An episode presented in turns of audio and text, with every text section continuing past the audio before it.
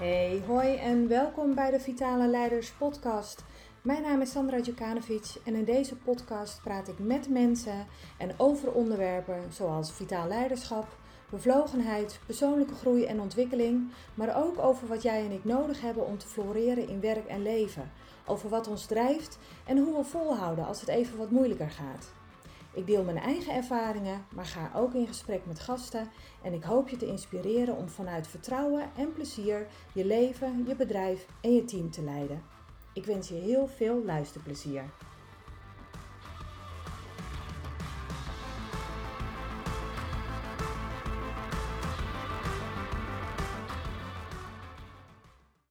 Hi en leuk dat je luistert naar deze aflevering. En deze aflevering ga ik het met je hebben over vitaal leiderschap.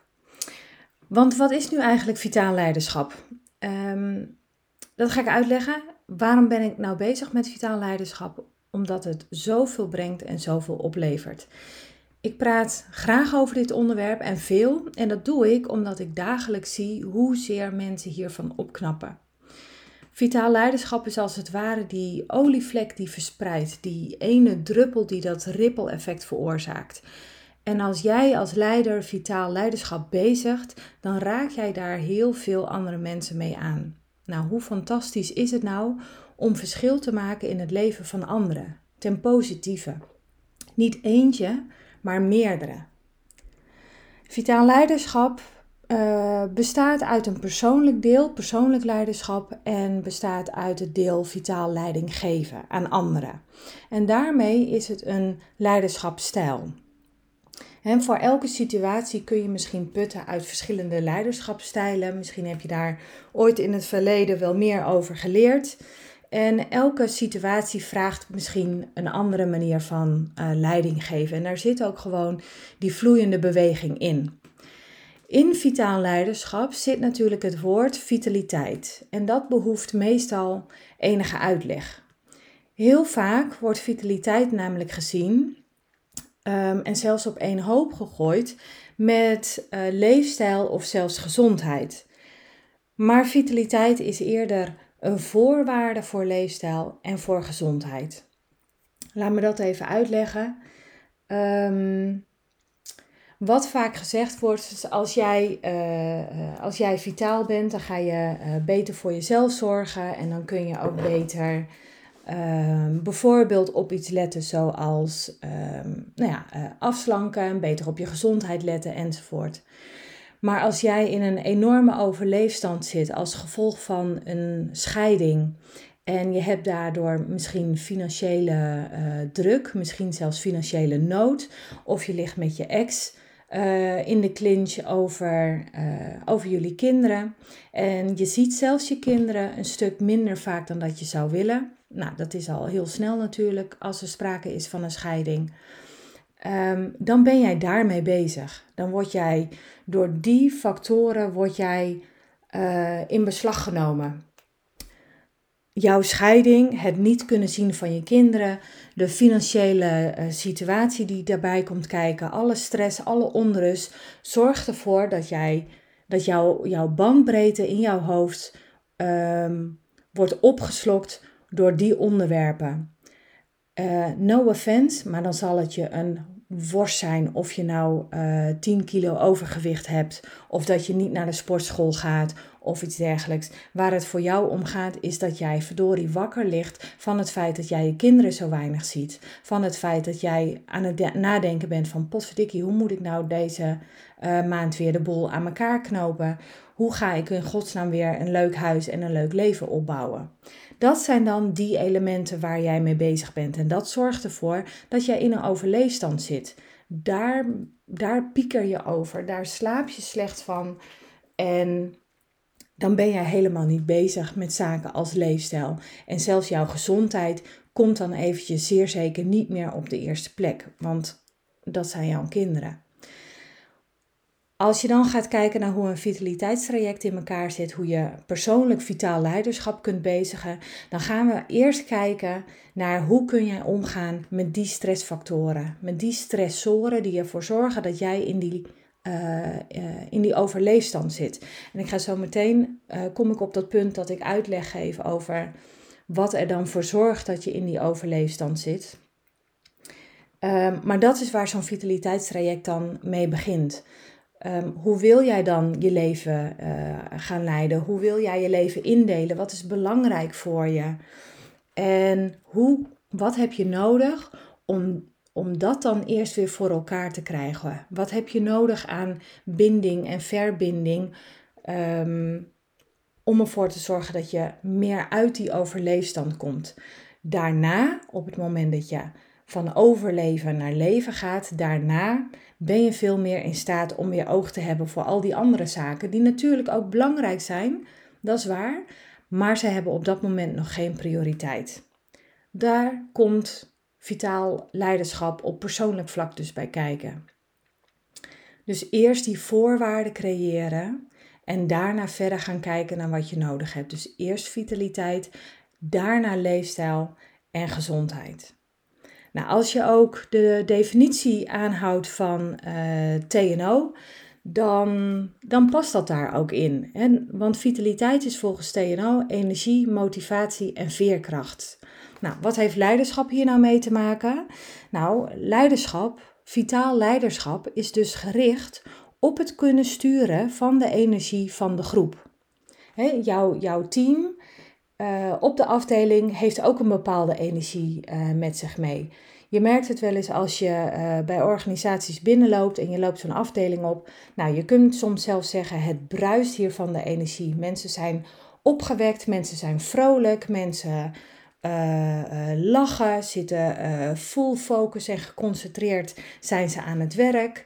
Uh, men helpt elkaar. Je kunt gewoon aan, aan de hele sfeer op zo'n afdeling, aan de omgeving, kun je voelen hoe het staat met de energie. Mensen zijn ook gemotiveerd. ze, hebben, ze hebben er zin in. Ze hebben die drive om samen als team uh, die doelstellingen te behalen die je als, als team met elkaar hebt, uh, hebt samengesteld. Um, dus jouw leiderschap, jouw vitaal leiderschap is dus gericht op het kunnen sturen van die energie. Um, ben je zelfstandig ondernemer, dan gaat het natuurlijk veel meer over je eigen energie en motivatie en veerkracht en wat je daarvoor nodig hebt en voor moet doen. En misschien kun je dat zelfs ook wel overbrengen op dat van je klanten, waardoor je um, nou ja, hen ook meer kan uh, motiveren om bij jou extra uh, klant te worden of uh, hè, om, om, om een goed woordje voor je te doen, om een toffe recensie te schrijven of iets dergelijks. Jouw um, binding met jouw klanten is natuurlijk ook heel erg belangrijk. Dus jouw energie komt daar en jouw motivatie komt daar ook bij kijken. Hoe jij erbij zit, heeft namelijk effect op hoe jouw klanten jou zien. Nou, soms is dat natuurlijk best een uitdaging, want we zijn mens. We zijn geen robot, we zijn mens. En we kunnen als mens natuurlijk dat gevoel hebben dat we aan het overleven zijn in plaats van dat we aan het leven zijn. We worden geleefd. Ik zou bijna zeggen, wie herkent dit niet? Um, een tijdje terug heeft, uh, um, heeft mijn man um, uh, er even wat, uh, nou ja, wat minder lekker bij gezeten. Er waren ook allerlei nou, strubbelingen op het werk en dergelijke. En dat zijn zaken dat, dat neem je mee naar huis. En nogmaals, je bent geen robot, je hebt geen aan- en uitknop waarbij je op het uitknopje drukt en zegt van nou, nu laat ik alle sores op mijn werk laat ik thuis. Dat gaat niet. Al hoe goed je het ook probeert, het gaat gewoon niet. Andersom geldt natuurlijk ook. Als jij shit thuis hebt en uh, jouw relatie loopt niet goed of je maakt je zorgen om, op, om welke redenen dan ook, dan merk je dat op het werk ook. Je neemt dat toch op een bepaalde manier, um, neem je dat mee. Dat doe je niet expres, maar dat is gewoon domweg onderdeel van het mens zijn. Hallo, mag het even? Nogmaals, je hebt niet die aan- en die uitknop. Um, cliënten hebben dat bij mij ook heel vaak omschreven als het gevoel van: ik heb het idee dat ik geleefd word. geleefd worden door de waan van de dag, door de waan van de agenda. Het leven gebeurt me, het overkomt me en ik heb het idee dat ik helemaal nergens controle op en over heb. Dat is een ontzettend naar gevoel. En ja, het is mijn, misschien is het een gok, maar ik denk dat we dit eigenlijk allemaal wel uh, herkennen. Ik heb ook zo mijn, uh, mijn verhalen. Uh, jaren terug, toen ik, voordat ik zelfstandige was, um, heb ik ook heel erg niet op mijn plek gezeten Ehm, bij een werkgever. En dat, dat merk je aan alles. Je gaat soms met een steen in je maag ga je naar kantoor toe. En um, je komt ook met een bepaalde lading, een bepaalde emotie weer terug van het werk. Dat neem je mee. Iedereen ziet dat aan je gezicht, al hoe goed je het ook nog probeert te verbergen, omdat je anderen er niet mee uh, wilt belasten. Zelfs dat gegeven is al een vorm van in die overleefstand zitten. Nou, het gevolg van zo'n overleefstand is ook groter dan onszelf. Als jij um, uh, hè, onze eigen productiviteit heeft daaronder te lijden, want we zijn, als wij afgeleid worden door allerlei zorgen en piekeren en dergelijke, zijn we minder gefocust, kunnen we ons minder goed concentreren, dus we presteren ook gewoon uh, wat minder. Dus onze eigen productiviteit heeft eronder te lijden. Maar, nu komt die, als jij leidinggevende bent, dan heeft de productiviteit van jouw medewerkers, die hebben daar ook onder te lijden. Of van de mensen met wie je samenwerkt. Um, en die overleefstand, die komt voort uit een tekort aan basisbehoeften. Fysieke basisbehoeften als slaap en beweging herkennen we. Uh, natuur mag daar ook in dat rijtje bij. Dat, dat, net zoals eten en drinken natuurlijk, dat zijn, dat, die noemen we de fysieke basisbehoeften. Maar we hebben ook psychologische basisbehoeften. En die psychologische basisbehoeften zijn autonomie, binding en competentie. Dat wordt heel grappig ABC. Niet per se uh, in die volgorde. Als we het over een hiërarchie gaan hebben, dan doen we er goed aan om eerst te kijken naar uh, binding. We hebben allemaal die natuurlijke behoefte om zelf onze keuzes te kunnen maken, hè, om zelf te kunnen beslissen en om jezelf te kunnen zijn. Maar we willen ook graag behoren tot een groep.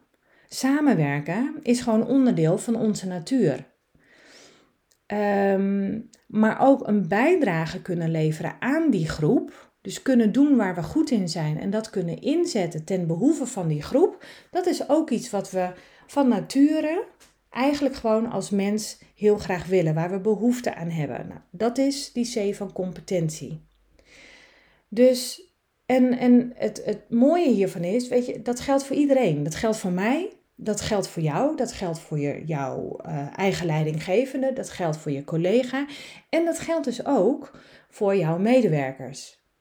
Dus jij en ik hebben die behoeftebevrediging nodig onze autonomie, ons, ons gevoel van bij een groep behoren en ook nog van waarde kunnen zijn voor die groep, dat heb ik net zo goed. En dat heb jij als leidinggevende of als, als leider van je bedrijf, hebt dat net zo goed. Jouw medewerkers hebben dat ook. Die hebben ook die behoefte. En een vitale organisatie is daarom ook gebouwd rondom die mens, om die natuurlijke uh, behoefte van de mens. Je moet jezelf kunnen zijn binnen een groep. Om dat, uh, om dat te kunnen, is veiligheid nodig. En leiderschap, leiderschap biedt die veiligheid uh, binnen die groep. Als leider moet jij die veiligheid kunnen bieden zodat mensen bijvoorbeeld fouten durven maken. Is die veiligheid er niet, dan gaan medewerkers risicomijdend gedrag vertonen. Ze gaan op safe spelen geen fouten maken, want straks wordt mijn contract niet verlengd. Geen fouten maken, want dan ben ik de pispaal van de groep en lig ik eruit. En dat wat nu gevraagd wordt, dat kan ik eigenlijk wel heel erg goed. Maar laat ik maar niet mijn hand opsteken, want straks vinden ze me arrogant. Dat zijn allemaal voorbeelden um, waarbij je um, ja, de, de, die roep om veiligheid eigenlijk bijna hoort. Die veiligheid die ontbreekt daar. Dus als leider is het voor jouw zaak om die veiligheid te bieden, zodat die ABC, die psychologische basisbehoeften, autonomie, binding, hè, sociale uh, verbindenissen, eh, en competenties om die de ruimte te geven om te kunnen groeien en te kunnen ontwikkelen. En daarmee heb jij als leidinggevende ehm, heel erg veel invloed. Het is zelfs zo, als jij ehm, gaat kijken naar de negatieve invloed die je als leidinggevende hebt, dan kom je meer op het ehm, stukje verzuim als gevolg van stress. een heel groot onderzoeksbureau heeft ooit onderzocht dat het grootste, uh, of een heel groot gedeelte van de uitval van het verzuim van medewerkers komt uh, door de leidinggevende. Um, en dat zijn van die verzuimzaken waar jij als leidinggevende dus eigenlijk je invloed kunt pakken. Als jij op die negatieve manier die invloed hebt, dan heb je dat ook op de positieve manier. Je moet alleen kijken naar op welke manier je het dan moet omdraaien. Hè? Wat is dan die andere kant? Um, andere, andere uh, factor is uh, nou, niet alleen het verzuim, maar bijvoorbeeld het verloop. Redenen waarom mensen weggaan bij een organisatie um, om uh, een functie ja, haha, elders te gaan zoeken. Hè, waarom gaan mensen nou weg bij jouw organisatie? Dat is niet omdat je omdat ze het werk daar niet leuk vinden. Dat heeft zelfs een heel stuk minder te maken met, met salaris. Um, het allerminst te maken met het team, met de collega's uh, die iemand om zich heen heeft. Maar des te meer te maken met het leiderschap wat ze krijgen. Als dat voor de negatieve kant geldt, is, doen we er dan niet goed aan om juist te gaan kijken naar die positieve kant, zodat jij die positieve invloed ook kunt pakken. En dat kun je dus doen door je ook te richten op die motivatie en op die betrokkenheid. En dat, om die te vergroten van je medewerkers, kun je sturen op het uh, vervullen van die psychologische basisbehoeften. Autonomie, sociale verbinding, dat is uh, uh, die B. En uh, competenties. Dus ze kunnen laten doen waar ze goed in zijn. Nou ja, jij snapt ook dat als jij als leider humeurig bent, dan heb je een negatief effect op die productiviteit en die motivatie van die medewerkers. Ehm, als jij de vloer op komt lopen met, um, met een gezicht waarvan iedereen kan zien van oeh, hier is iets aan de hand, um, gaat niet goed, het gezicht staat op onweer, laat ik maar even wachten met het aanvragen van mijn vakantie. Of laat ik maar even wachten um, ja, met bepaalde problemen kenbaar maken. Want nou ja, dat zou maar zo effect kunnen hebben. Um, bottom line is, als jij als leider zoveel invloed hebt op het niet-medisch verzuim en op het verloop en op de betrokkenheid en de motivatie van jouw teamleden, is het dan juist niet slim om juist daaraan te werken en dus ook te kijken naar je eigen gedrag en houding en jouw manier van leiding geven om juist daar ook je invloed te pakken? Um, enerzijds, wat ik al zei, dat doe je dus door te kijken naar jouw persoonlijke stuk. Waar kun jij nog winst behalen als je kijkt naar jouw invulling van die psychologische basisbehoeften? Anderzijds kun je kijken naar de manier van leiding geven, waarbij je juist die ABC laat terugkomen in je manier van uh, leiding geven, in jouw leiderschapsstijl. En daarmee zorg je ook voor dat stuk veiligheid wat zo nodig is. Nou, die veiligheid bieden, dat gaat heel erg over waarde. Waar sta jij voor als leider?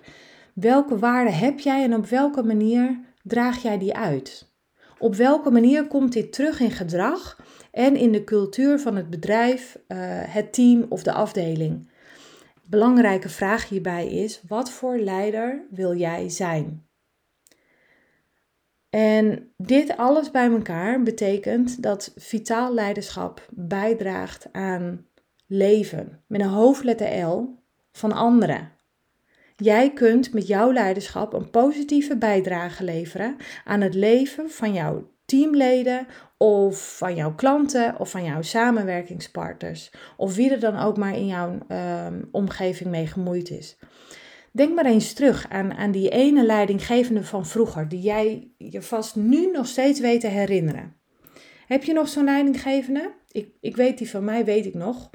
Um, dat, dat is inmiddels al, um, uh, ja, al tien jaar geleden, al zeker tien jaar geleden, en ik vergeet het nooit weer.